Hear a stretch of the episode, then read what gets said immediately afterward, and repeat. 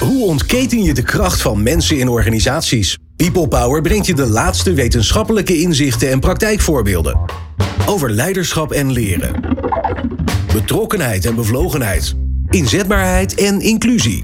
Omdat mensen het verschil maken in jouw organisatie. People Power met Glenn van der Burg. Denk eens aan de HR-programma's en instrumenten die jij de afgelopen jaren hebt ontwikkeld en in de praktijk hebt gebracht. Waren deze programma's succesvol? En wat was eigenlijk de basis van de besluiten om dit alles in gang te zetten?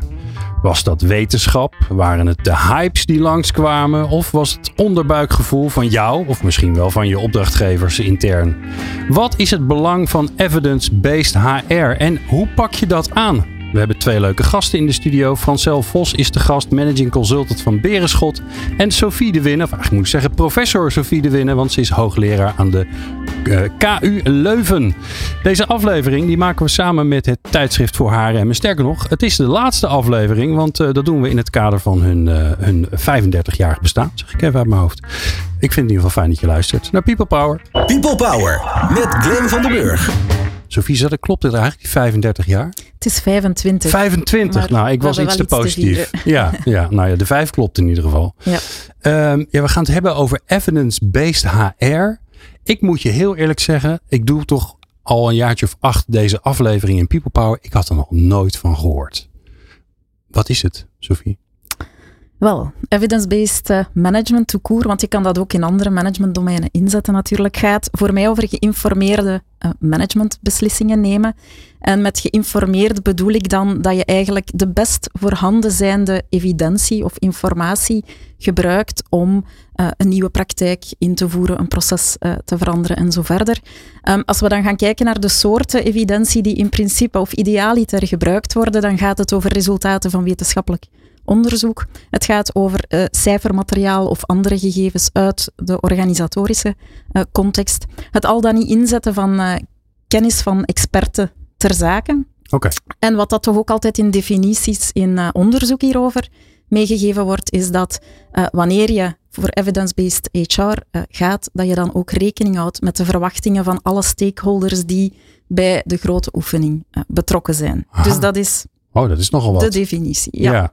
Nou, wij hebben zelf ook onderzoek gedaan. Want ja. dat doen we altijd even. Te kijken van, goh, wat komen we nou eigenlijk tegen? En wordt het nou ergens anders besproken? Dit is waar wij uh, in ieder geval tegenaan liepen. The first time ever, I think you can draw a line of sight and track the benefit of that line of sight between the HR activity and business performance. That to me is evidence-based HR. And that definition broadly is about using multiple sources of evidence uh, to both identify a potential problem or opportunity. And then once that's reasonably clearly identified, if there is one, again, using multiple sources of evidence, following a structured approach to identify what might be a likely intervention or solution to that problem or issue. Ik moet je heel eerlijk zeggen, ik heb dit nu denk ik al voor de zeventiende keer gehoord. Ik weet nog steeds niet zo goed wat ze zeggen eigenlijk. Is, is dat misschien ook een beetje het probleem dat het, um, ja, dat het een soort uh, concept is van hoe je zou moeten denken over dit soort dingen? Ik, uh, ik herkende nu wel verschillende elementen, bijvoorbeeld het inzetten van die verschillende vormen van bewijsmateriaal. Ja. En in de eerste, het eerste citaat ging het ook over hè, hoe men gelooft dat evidence-based HR echt een, een bijdrage gaat leveren aan de organisatieprestaties. Dus in die zin was het voor mij wel zeer herkenbaar met wat ik juist zei. Maar het klopt in zekere zin uh, dat het meer gaat over een bepaalde manier van werken en op een gestructureerde, systematische manier aan de slag gaan om een praktijkprobleem um, aan te pakken. Ja. Dus in die zin, ja, is het in zekere zin ook wel een, een proces en een manier um, van werken. En waar dat ik daar juist nog niet op ingegaan ben, wat betekent dat dan in het domein van HR eigenlijk? Um, alle managementbeslissingen die genomen kunnen en moeten worden rond personeelsbeleid. En dat kan heel ruim gaan. Dat gaat over HR-praktijken, maar evengoed over jobdesign, uh, leiderschap in de organisatie. Dus alles wat gevolgen heeft uh, voor het personeel en via het personeel ook voor die bedrijfsprestaties. Ja, en als je daar niet oppast, voordat je het weet, ben je het hele, hele bedrijf aan het herorganiseren.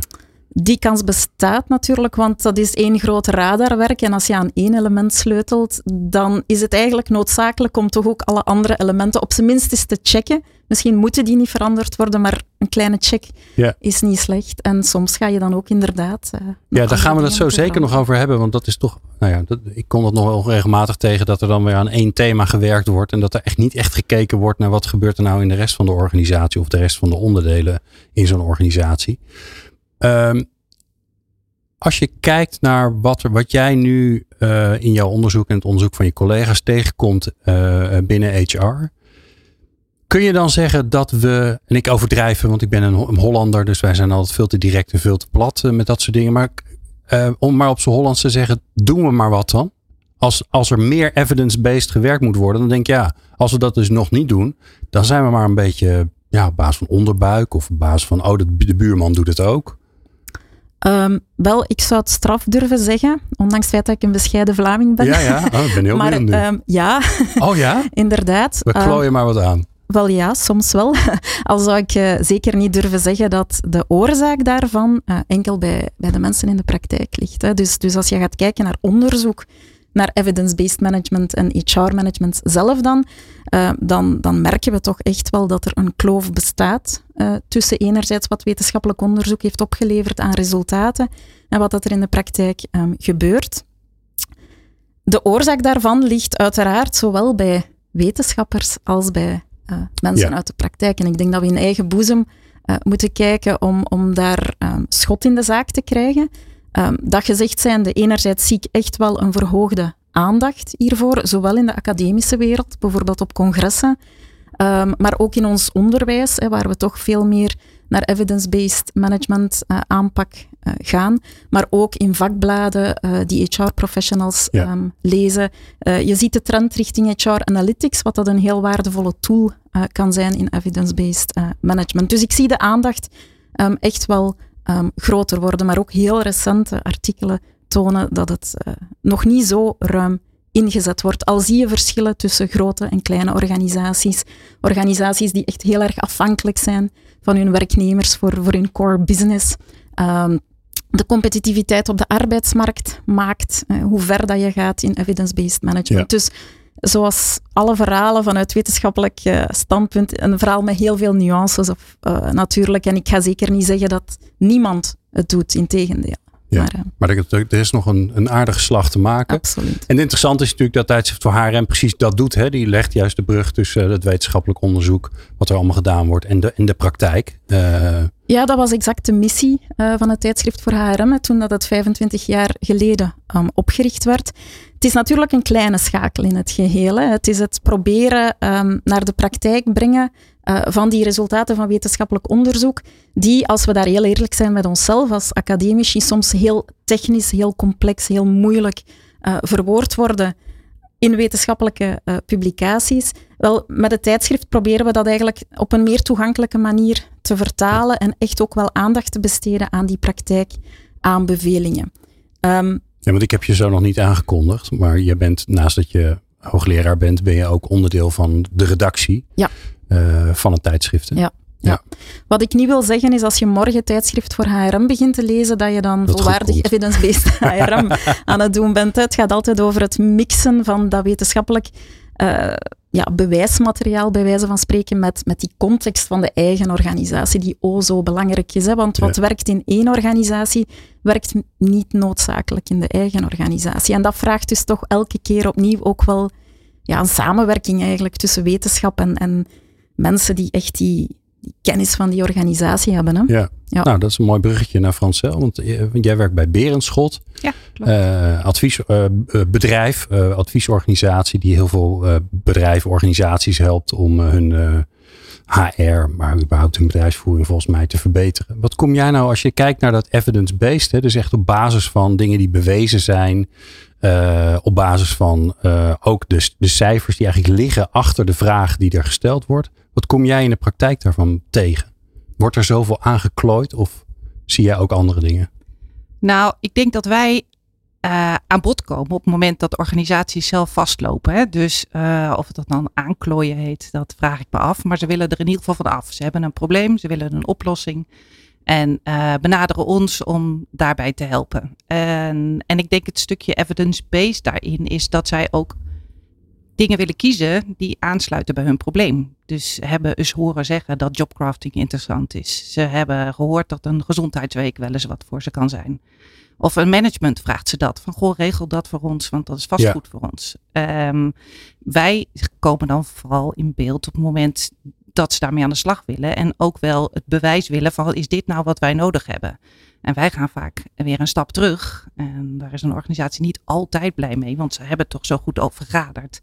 En ze hebben van die mooie oplossingen bedacht. Maar wij proberen heel erg, wat Sofie ook aangeeft, aan te sluiten bij wat zijn nou eigenlijk je organisatievraagstukken. En laten we eerst daar eens naar kijken en dan gaan kijken wat daar de beste oplossing voor is. En of dat dan jobcrafting is, dat gaan we daarna besluiten. Ja, ja dus dat is, is, dat is ook echt onderdeel van die evidence-based aanpak. Dat je, dat je eerst goed gaat kijken van waarom doen we dit nu eigenlijk überhaupt? En want dat, we denken allemaal, tenminste voor mij was dat de afgelopen tien jaar altijd wel weer een, een soort van aha-erlevenis. Ehm, we denken dat we heel rationeel in elkaar zitten. Dat alles wat we doen, dat we daar goed over nagedacht hebben. Maar dat is natuurlijk helemaal niet zo. Heel vaak is het ook van, ja, dat bedrijf waar wij naar opkijken, die doen het ook. Of uh, ja, in de haast van de dag, ja, laten we dit wel maar doen. Want dat, dat lost dan onze korte termijn probleem op. Mhm. Maar je moet best wel gaan graven dus. Ja, absoluut. We, we, merken in de literatuur dat er effectief zoiets bestaat als imitatiegedrag en dat hypes en trends heel snel worden opgepikt. Het is een beetje de fear of missing out soms, of oei, de concurrent doet het, wij moeten het ook doen, zonder inderdaad naar die analysefase te gaan die hier juist vermeld werd, om eens te gaan kijken van oké, maar is dat dan inderdaad de oplossing voor ons probleem en waar, waar zit ons uh, probleem juist? En soms in het dieper graven kom je eigenlijk helemaal ergens anders uit dan, eh, dan waar dat je oorspronkelijk uh, gestart bent. Ja. Ja. ja, en dat grappige is van jij zegt ja, dat is de eerste stap die wij zetten. is ook altijd een beetje de, de rol van de adviseur, toch? Om te zeggen, oké, maar even kalm nu. Stap terug inderdaad. We gaan niet gelijk brandjes blussen. We gaan eerst even goed kijken naar wat er aan de hand is. Waarom neemt zo'n HR-afdeling die, die zelf die stap dan niet? Zit dat misschien ook, ik doe maar even een aanname, zit ook een beetje in het aard van het beestje van van mensen die in HR werken. Omdat ze toch de neiging hebben om dienstbaar te zijn. Om, om ja, misschien een beetje reactief te zijn. En te pleasen, om het maar een beetje onaardig te zeggen. Ja, ik weet niet of het pleasen is. Het is ook wel vaak een management uh, wat HR ook niet altijd even serieus neemt. Dus daar zitten veel operationele mensen, terwijl die best strategisch iets willen, maar die daar de tijd niet voor hebben. Of uh, die, die teams zijn vaak klein. Uh, niet alle organisaties hebben echt een groot volwaardig HR-systeem. Dus daar begint het al mee dat HR een beetje een ondergeschoven kindje is bij veel organisaties en het er een beetje bij gedaan wordt. En dan krijgt HR dus een soort van takenlijstje van ga dit maar regelen en dit maar regelen en zoeken daar eventueel nog wat bij. Ja, en dan hebben ze heel goed gezocht en iets gevonden. Maar uh, ja, dan komen wij en zeggen van goh, misschien toch nog even een stap terug. En ja. dan moeten zij weer naar het management. Dus we zijn soms ook wel lastig voor organisaties daarin. Ja, en die rol is misschien ook voor HR lastig. Want nou ja, waar we het net al over hadden, op het moment dat je begint te peuteren en vragen begint te stellen, dan kom je erachter. Hè, vaak de vraag achter de vraag is groter dan het, uh, dan het echte probleem waar mensen je, je voor benaderen.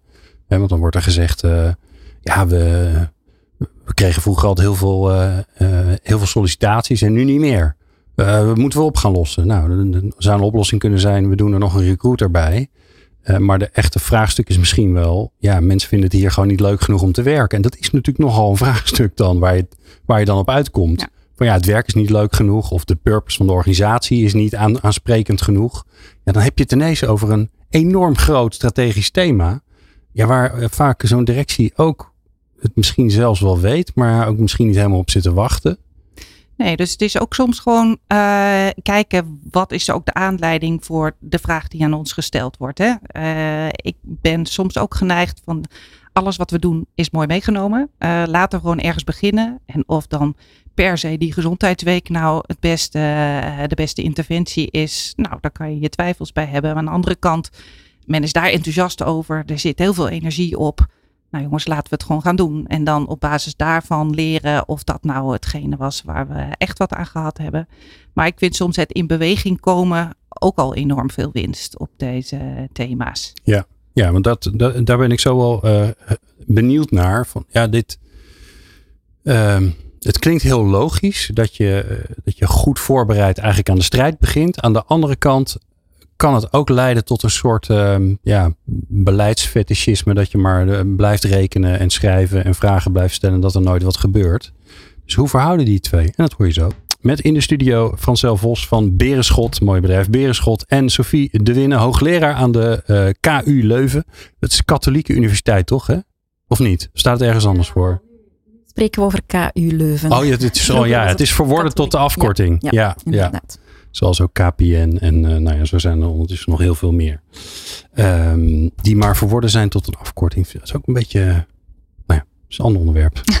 Daar heeft mijn host altijd last van. Dat ik dan denk, hoe, wat vinden we er eigenlijk met z'n allen van? Nou, totaal niet relevant nu. Uh, wat wel relevant is, um, um, simpel gezegd eigenlijk. Uh, als ik zo terugkijk op uh, waar we het net over hebben gehad, dan denk ik, oké, okay, evidence-based werken is dus eigenlijk van tevoren beter nadenken, beter onderzoek doen van wat is er nou echt aan de hand. Beter ook kijken van wat gebeurt er in de wereld. Wat zegt de wetenschap erover? Wat zeggen de experts zoals Francel daarover? Wat zeggen collega-organisaties? Hoe doen die het? Wat kunnen we daar allemaal vandaan halen? En op basis daarvan ga je dan bedenken wat je gaat doen. Dat klinkt ook alsof dat lang duurt. En als er één ding, um, als we van één ding last hebben met z'n allen, is dat we haast hebben. Of dat terecht is of niet, is een tweede.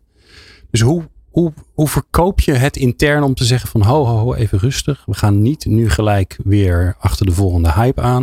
We gaan niet nu allemaal met werkgeluk aan de slag. Of we gaan nu niet allemaal agile doen. Of nou, waar zitten we nu in? Welke hype? Uh, uh, of de, de employer journey. We gaan niet om dat soort dingen. We gaan eerst nadenken en, en een beetje praten met elkaar. Dus hoe verkoop je dat, Sophie, intern?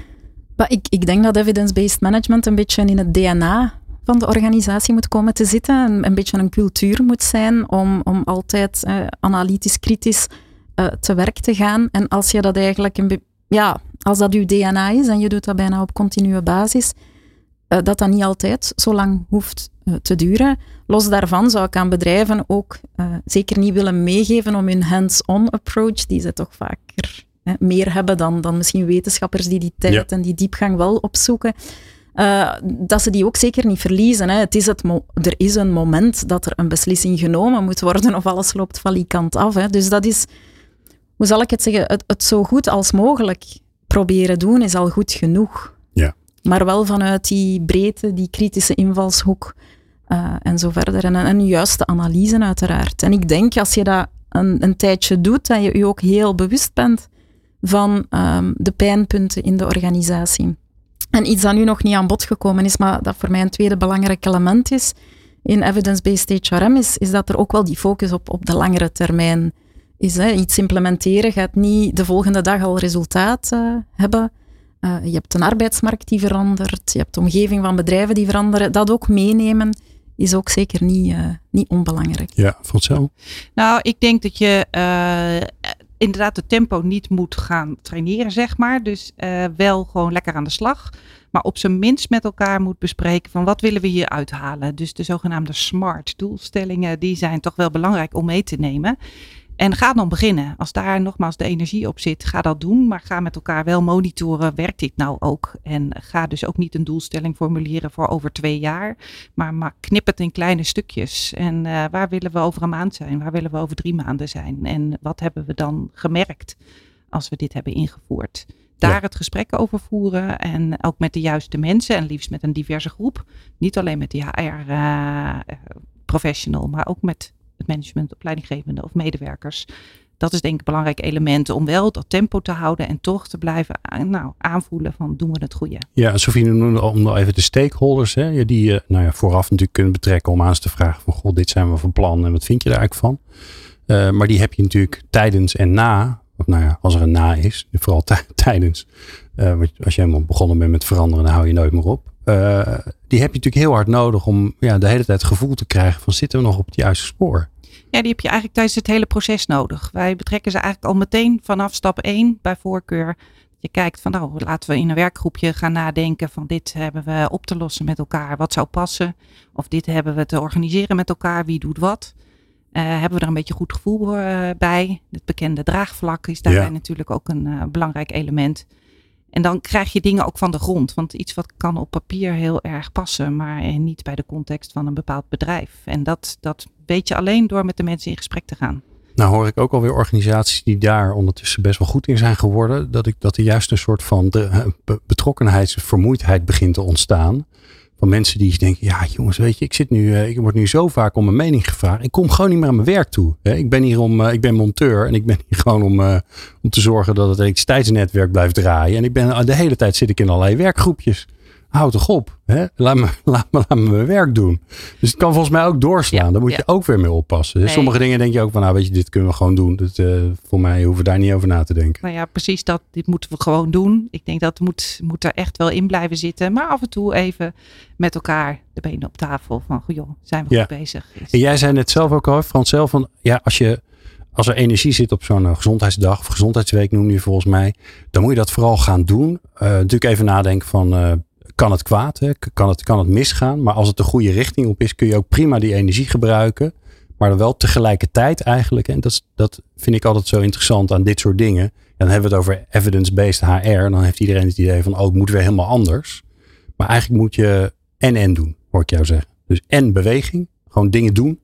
Uh, in de werkelijkheid, zodat er ook energie is en er verandering komt. Maar tegelijkertijd ook juist die nou ja, uh, diepgaande analyse, uh, even stilstaan, nadenken, allebei tegelijk eigenlijk. Ja, en ik denk wel, wij zijn daarvoor als wetenschapper of als consultant om organisaties nou, te behoeden voor dingen die echt helemaal de verkeerde kant op gaan.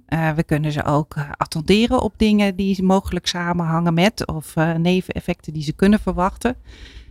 Um, maar we zijn niet de rem. In ieder geval, we zouden wel, nou, nogmaals, die energie gewoon moeten aanwakkeren en dat moeten stimuleren en hen uh, een beetje begeleiden daarbij. Ja.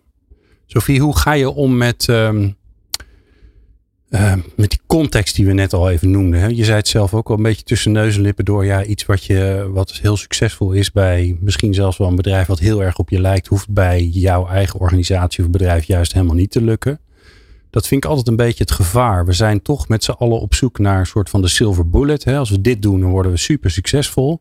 Er komen altijd van die standaard verhalen naar boven. Nou, ik weet niet of jullie in Vlaanderen dezelfde verhalen hebben, maar hier komt altijd weer Tony Chocoloni naar boven. En dan wordt de, de HR-baas daar weer op het schild gehesen en die zegt dan weer dingen en dan gaat iedereen dat doen. En dan werkt het in jouw organisatie voor geen meter. Um, dus hoe ga je met die, ja, enerzijds wil je evidence-based werken en anderzijds moet je ook in je achterhoofd houden, ja, de kans dat het misschien lukt is wat groter, maar het kan best zijn dat, we, dat het hier weer juist niet werkt. Goh, ik denk twee dingen. Eerst en vooral wat, wat Francel al aangehaald heeft, die, die analysefase is daar cruciaal, denk ik, om te zien, is, is dat wel de oplossing voor het probleem waar wij mee worstelen? En twee... Maar zie je dat dus vaak misgaan? Dat die, omdat die overgeslagen wordt, dat er, een, dat er al aan een oplossing wordt gewerkt, terwijl het probleem ergens anders ligt? Ja, wel, wel, ik heb een heel concreet voorbeeld van iemand die ooit een gastcollege is komen geven in een van mijn lessen. Die um, op een bepaald moment, en dat is intussen al jaren geleden, maar was er het opbod in lonen op de arbeidsmarkt voor IT-consultants. En in eerste instantie gingen zij mee in het opbod. Tot op een bepaald moment dat zij dachten, als, als kleine start-up is dat hier niet meer mogelijk. En dan even aan tafel gaan zitten zijn en is helemaal out of the box gaan denken zijn. En ze hebben dan beslist om eigenlijk de standaard routinematige consultancyopdrachten die ze tot dan toe wel deden, om dat helemaal te parkeren, niet meer te doen en enkel nog op extreem uitdagende opdrachten in te zetten. Waarom? Omdat ze merkten dat heel veel van de IT-consultants heel intrinsiek gemotiveerd uh, zijn en eigenlijk veel liever heel uitdagende opdrachten hebben dan een hoog loon. want anderzijds, degene die je aantrekt omdat het een hoog loon is, ja, die zijn binnen twee maanden ook weer uh, weg elders. En dus ze hebben dat ook helemaal kunnen verenigen met, uh, met hun businessmodel, met de cultuur waarvoor dat zij wilden staan. En zij hebben effectief gemerkt dat zij niet meer in dat opbod van lonen mee moesten gaan om toch hun, de juiste mensen aan te trekken en vooral te behouden. Want ze waren in een soort van negatieve spiraal terechtgekomen van hoge lonen, maar ook heel veel personeelsverloop. En ze hebben dat dus eigenlijk kunnen terugdringen. Voor mij is dat een heel mooi voorbeeld van hoe een oplossing die in eerste instantie de oplossing lijkt, het toch niet is als je even die kritische reflectiefase inbouwt en in dit geval ook echt ja, fundamenteel durft gaan veranderen natuurlijk. Ja, ja dat is uh, nogal wat. Ja, absoluut. Want dan, dan eigenlijk verander je bijna het DNA van je bedrijf. in En, niet, niet alleen intern, maar zeker ook naar je klanten toe. Ja, het ging nog steeds over IT-consultancy natuurlijk, maar Ja. men was meer selectief in de opdrachten die men nog aannam. Ja, Ja, interessant. absoluut. Ehm ehm Frans, kom jij dat soort, soort bijzondere stappen tegen? Dat je denkt, oh ja, we zouden eigenlijk, eh, gingen we hiervoor, maar eigenlijk was dat heel ergens anders. Ja. Dat zijn ik mooie verhalen. Ja, ik, ken, ehm, ik heb een voorbeeld van een kleinere organisatie die, waar we gevra- gevraagd werden van, goh, wij hebben hier te maken met werkdruk en de mensen vallen uit, en, eh, maar de leidinggevenden zijn het daar niet mee eens. Eh, dus we moeten s- een training werkdruk wordt er dan gevraagd. Eh, en toen hebben we ervoor gekozen om die groep bij elkaar te zetten. Dus de leidinggevende en de werknemers. En is gewoon uit te rafelen van welke elementen van werkdruk spelen hier dan. En dan kennen we natuurlijk al de theorieën en modellen die te maken hebben met, eh, met werkdruk en, en Ja. verklarende factoren. Eh, dat hebben we naar nou ja, de zogenaamde Jip en Janneke taal vertaald voor de werknemers. En uiteindelijk, onder de streep, hebben we met elkaar gekeken van wat zijn nou oplossingen voor die werkdruk. En dan was het niet die hoeveelheid werk of, hoe, of dat het moeilijk was of dat er pieken waren. Maar zat het er veel meer in van ja, die, het management hier, dat vertoont zich echt nooit op de werkvloer. En die zien we door het glazen raam wel een kopje koffie drinken onder de Mm. pauze. En wij mogen dat niet. Als wij nou eens ook mogen koffie drinken tijdens de pauze, dan eh, is ons werkplezier weer top. En ik denk, ja, dan kom je dus binnen op iets groots als werkdruk en verwachten ze dat daar enorme grote veranderingen nodig zijn. En dan zit het in een kopje koffie kunnen drinken tijdens de pauze. Geweldig, hè? Ja. Ja, Sophie? Ja, een, een ander voorbeeld waar ik nu aan denk is bijvoorbeeld het telethuiswerk. Hè, waar, waar dat eigenlijk al heel lang empirische evidentie bestaat, dat, dat dat heel positieve gevolgen kan hebben voor de werknemer, de organisatie, maar we deden het eigenlijk niet zo vaak. Tot de pandemie daar was, wat dat eigenlijk een natuurlijk experiment geweest is. En dat nu blijkt hè, dat dat toch ook wel heel veel voordelen heeft en dat bedrijven niet graag of niet moeilijk het eh, kunnen terugschroeven. Ehm, terwijl sommigen het misschien wel zouden willen, omdat ze toch nog altijd die controle willen die ze vroeger ook niet wouden opgeven toen ze mensen niet lieten thuiswerken. Ja. Ja. Ja, en dan wat ik, waar ik ook aan moet denken is dat ehm, eh, het, het andere ook waar is. Dus veel mensen die vonden het heerlijk om thuis te werken. Dus er waren er ook best wel een aantal. En misschien wel degene waar je het niet van verwacht. Van jonge mensen. Ja, die huisvestingsproblemen hebben. Die nog op je studentenkamer zitten. Of een andere kleine ruimte. Die helemaal geen, geen ruimte hebben om rustig te kunnen werken. Sterker nog, die heel graag bij collega's zijn, omdat ze juist willen afkijken en leren van die collega's.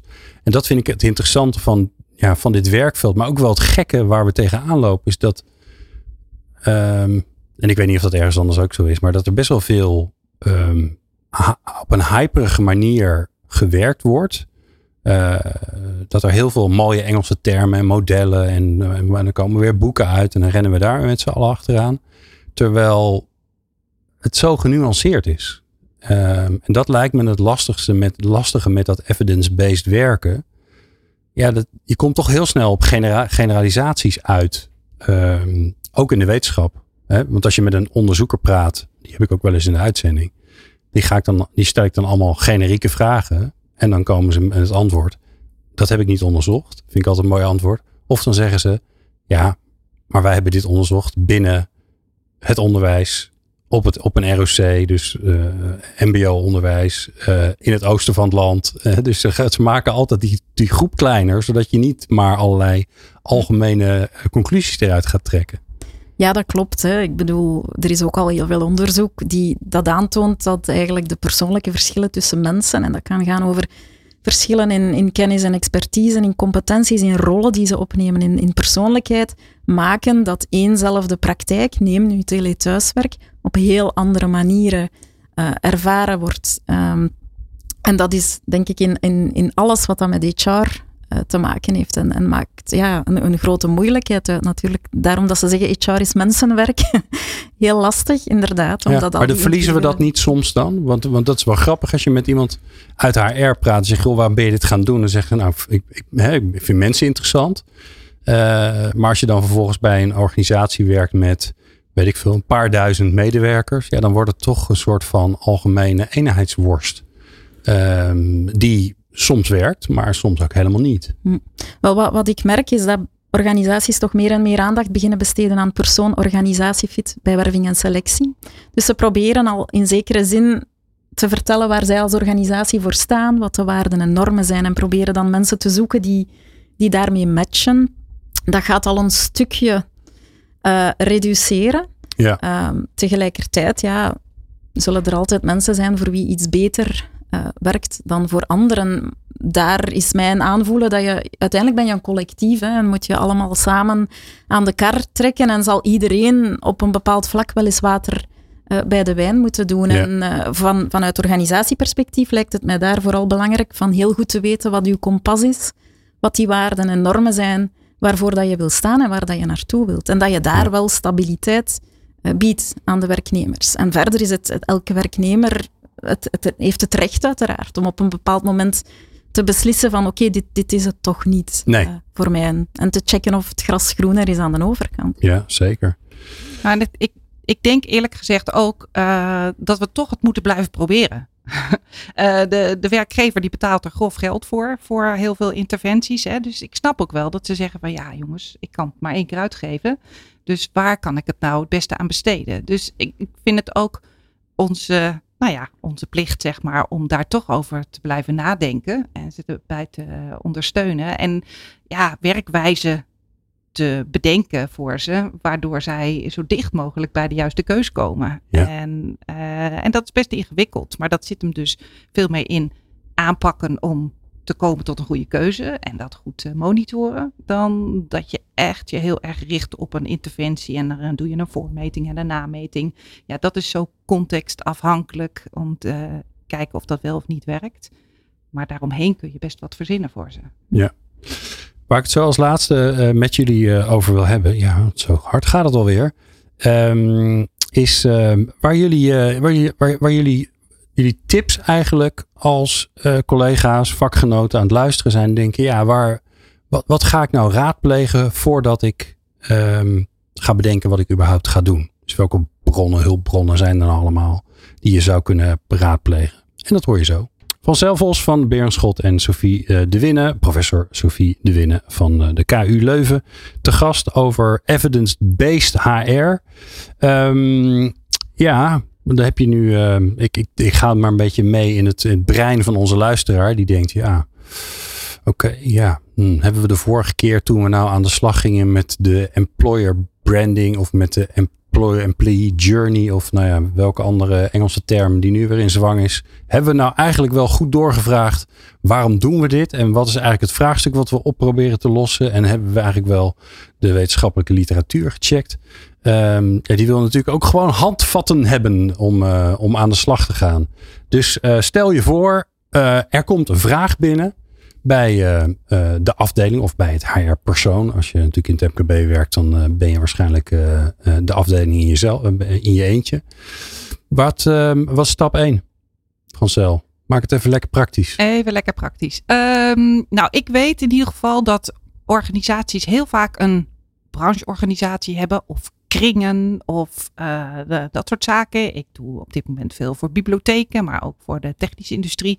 Nou, die hebben allemaal ook websites waar van alles op staat en waar ook eh, mensen zich eh, groeperen en het over dit soort thema's Ja. hebben. Dus zoek vooral collega's op. Check eh, wat de ervaringen daar zijn. En ga daar in eerste instantie eens over eh, met ze over in gesprek. Enorme rijke bron. Hè? De, de collega's die een beetje in dezelfde branche zitten, of juist misschien helemaal wel niet. En die kun je gewoon vragen. En wat is jouw ervaring? Want ik kan me voorstellen dat mensen denken, ja, maar die mensen zijn hartstikke druk en dan val ik zo lastig. En, Nou, mijn ervaring is dat vakgenoten elkaar eh, altijd te woord willen staan. En altijd tijd hebben voor elkaar. Ja. En nou, druk ook natuurlijk. Maar over en weer heb je wat aan elkaar. Dus eh, ja, en je geeft iemand de, de mogelijkheid om jou te helpen. Hè? Dat is fantastisch. Want daar word je gelukkig van. precies. Toch? Sophie? Ja, ik ben daar iets kritischer Oeh, tegenover, ja. omdat net uit onderzoek rond evidence-based management eh, blijkt dat dat net een van de zaken is die een drempel opwerpt voor het evidence-based eh, te werk gaan.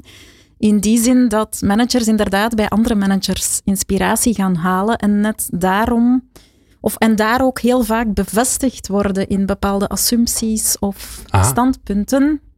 En net daardoor die weg niet vinden naar ehm, ja, het, het, wetenschappelijk materiaal of, of, materiaal uit andere contexten waar men in eerste instantie niet aan zou denken. Ja.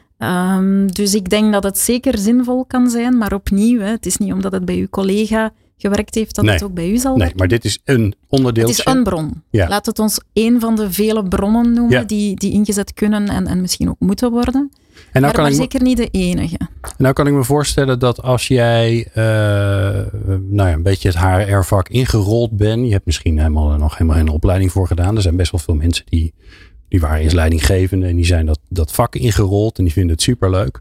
En dan moeten dan ineens wetenschappelijke bronnen gaan raadplegen. Nou ja, een van de dingen die wetenschappers goed kunnen is om het uh, niet heel toegankelijk allemaal te schrijven. Ja, absoluut. Uh, sterker nog, dat moet vaak ook, hè, want anders word je niet eens gepubliceerd.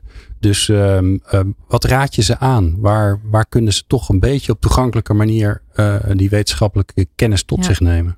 Wel, laat mij zeggen dat ik het eerst, eerst en vooral eens ben hè, met het feit dat die artikels niet, niet toegankelijk genoeg geschreven zijn maar ook zelfs op zich moeilijk toegankelijk zijn. Zelfs voor wetenschappers kost het handenvol geld om, om toegang te kunnen krijgen uh, tot die artikels. Dus de universiteiten betalen dat wel, maar uh, het, het, maakt dat het helemaal Want ze zitten gewoon achter een, ja. zitten achter een betaalmuur. Ja. Gewoon dus vandaar ergens. ook de ganse dynamiek richting open science. En hopelijk uh, gaat dat tot, tot een ruimere verspreiding van, van artikelen leiden. Uh, ik denk dat daar nog moeilijk wordt om de kwaliteitsstandaarden dan voldoende hoog te houden. Maar ik denk dat die beweging van open science nodig is en, en goed is.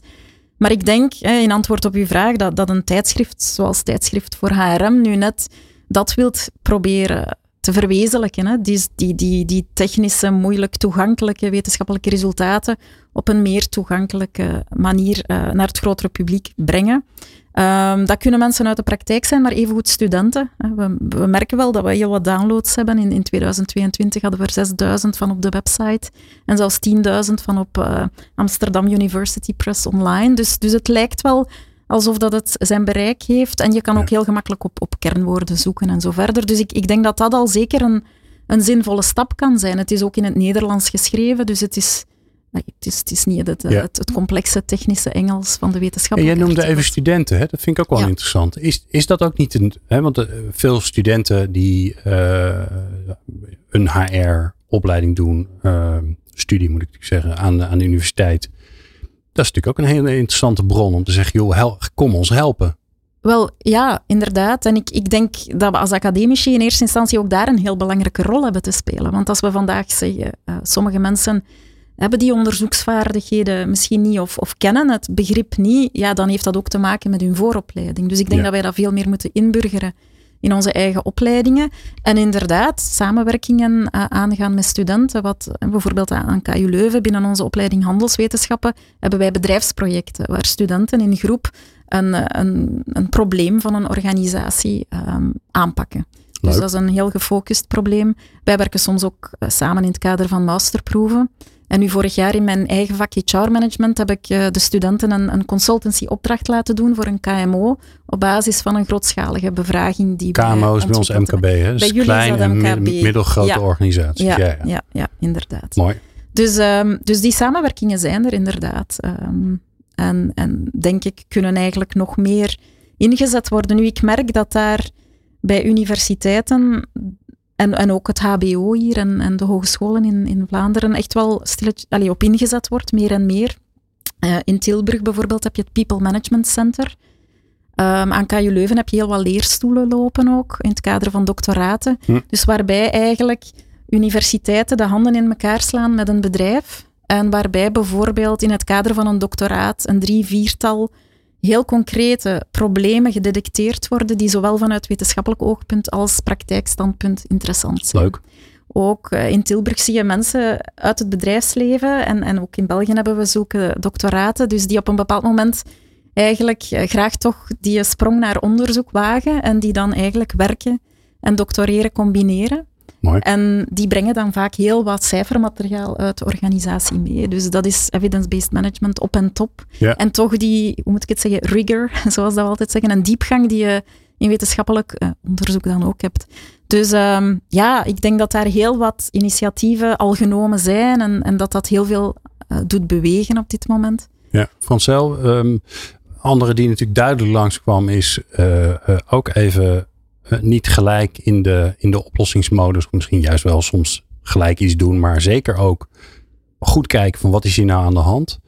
Hoe kun je dat nou op een, op een praktische manier doen? Hè? Uh, checken of het probleem wel het probleem is, zonder dat je gelijk de halve organisatie moet gaan spreken en, uh, en 34 surveys moet uit gaan, gaan uitzetten. Dus je bedoelt als ze een vraag stellen en toch ja. graag willen weten van is dit handig om te doen? Nou ja, of dat je denkt, ja, eigenlijk, eigenlijk is dit het probleem niet, maar is het iets anders het probleem? Hè? Nou, de leuke voorbeelden die jullie net noemden. Om te voorkomen dat je inderdaad gelijk in de, in de, in de renmodus schiet. Ja, ik zou altijd, uh, daar hebben we het al een beetje over gehad, hè, nog, toch nog uh, de vraag achter de vraag, de check is altijd goed. Van waar wil je dat het uh, toe leidt? Wat beoog je? Welk probleem wil je oplossen? Stel jezelf altijd die vraag. Um, of heb je gewoon zin om dingen in beweging te brengen en denk je van nou dit is een hype, misschien is het wat voor ons. Ook prima. Ga er vooral mee aan de slag. Maar stel je dan vervolgens ook de vraag van hoe ga ik in de gaten houden of dit werkt of niet. Ja, ja. Uh, is dat wat je bedoelt? Ja, ja, en de grappige is dat jij zegt dus als je in beweging komt, zorg wel dat je blijft checken of je wel, of je wel resultaat bereikt. Ja. Ja, toch? Want daar verliezen we. een jaar lang worstelen en dan erachter komen van, goh, was misschien toch niet helemaal wat we hadden bedoeld. Ja. En, en dwing dat ook af bij een management. Want soms krijg je als HR de opdracht om het een en ander te gaan doen. En kom je na een jaar weer eens een keertje in een managementteam en dan zeggen ze ja, dat was niet de bedoeling en hebben we daar nou zoveel geld aan besteed. Ja. Eis ook op dat je een rol krijgt in dat dat management en neem hen ook mee. Ja. Uh, we hebben nog een paar minuutjes. Altijd goed voor een laatste tip. Dus eh, nou mag je, dus je krijgt een soort schot voor, hè, schot voor open goal krijg je voor je. Ik geef je een voorzet. Je mag zelf uh, verzinnen welke kant je op wil. Maar we hebben het nu over dat, dat evidence-based gehad. Meer op basis van kennis, wetenschap, cijfers, uh, stakeholders ehm, aan de slag met HR. Wat, wat zou je nou je, de HR-vakgenoten, de HR-collega's aanbevelen om nu in hun drukke agenda, die ze ongetwijfeld hebben, want vakantie is een beetje afgelopen. Wat, wat moeten ze gaan doen in dat kwartiertje wat ze nog morgenmiddag net na lunch hebben voordat ze weer de zoveelste Zoom of Teams meeting hebben? Ja, een kwartiertje. Ik zou naar um, een website als Innovate It. dat is misschien een hele andere okay. invalshoek, maar ik, ik zit toch wel op die energie. Uh, mensen vinden het leuk om nieuwe oplossingen te verzinnen voor bepaalde uitdagingen. Dus creëer ook werkvormen, methodieken om uh, met elkaar uh, ja, echt nieuwe oplossingen te verzinnen. En okay. ik noem Innovated omdat die heel erg met allerlei innovatieve werkvormen werken. Uh, en op die manier ook nou ja, met elkaar de, het brein aanzetten ja. om oplossingen te verzinnen. Leuk. Ja, wat ik zelf altijd het leuke vind aan die werkvormen is dat ik heb ooit tegen een klant gezegd, ja, maar het gaat helemaal niet om wat jullie willen bereiken. Het gaat erom, mensen gaan die werkvorm doen en dat gaan ze toepassen in hun werk. Dus hun werk verandert omdat we dit doen. En dat het dan ook nog een paar leuke ideeën oplevert, is meegenomen. Maar daar gaat het eigenlijk helemaal niet om. Nee, nee. Dus dat vind ik wel een mooie van, uh, ja, dat je zo langzaamaan ook andere manieren van werken erin slijt. Ja, en de link met de evidence is wel dat je natuurlijk dat dat bewezen is dat als mensen daar uh, zelf aan bijgedragen hebben, dat dat uiteindelijk de kant van slagen en succes Dat van hun is geworden. Het eigenaarschap is al gelijk georganiseerd. Sophie, het kwartier van de, van de HR-collega, ja. drukke HR, hoe gaan we dat vullen? Wel, deze zag je misschien aankomen, maar ik zou eens naar tijdschrift voor nee, surfen natuurlijk. Wat een goed idee. Ja. naar de website, mocht je dat nog nooit uh, gedaan hebben. Misschien is dat al een, een eerste stap uh, in de goede richting. Uh, ik denk, ik zou zeggen, probeer het eens en, en probeer eens een, een, een, een prangend probleem te bekijken, maar, maar op een andere manier dan dat je misschien anders zou doen en meer vanuit die principes van evidence-based management. Dat mag een quick win zijn, iets kleins, maar, maar er gewoon durven, durven springen, denk ik. En het een beetje tijd geven, uiteraard. En eventueel ja. bij universiteiten, HBO, hogescholen of, of consultancykantoren kijken van wat hebben zij daar te bieden op het vlak van evidence-based management en ja. zou dat iets voor ons zijn? Ja, en dan jij zegt eigenlijk en dan bij iets wat niet al te groot is, zodat je het gewoon ook een keer uit kan proberen. Ja, ja ik denk dat dat een heel uh, belangrijke is. Wat een wijs uh, advies. Uh, ik dank jullie beiden zeer. Francel Vos van Berenschot en Sophie de Winne uh, van de, de KU Leuven. Ik wil toch die afkorting er nog uitspreken. Ik weet niet, dat zit dan in mijn hoofd. Ehm, en natuurlijk dank via jou, Sophie, aan uh, Tijdschrift voor HRM voor de bijzonder leuke samenwerking. We blijven natuurlijk lekker bij elkaar in de buurt. En jij natuurlijk, dankjewel voor het luisteren naar deze aflevering van People Power. Veel meer is te vinden op onze website. Tot de volgende. Meer luisteren? Ga naar peoplepower.radio en abonneer je op onze podcast.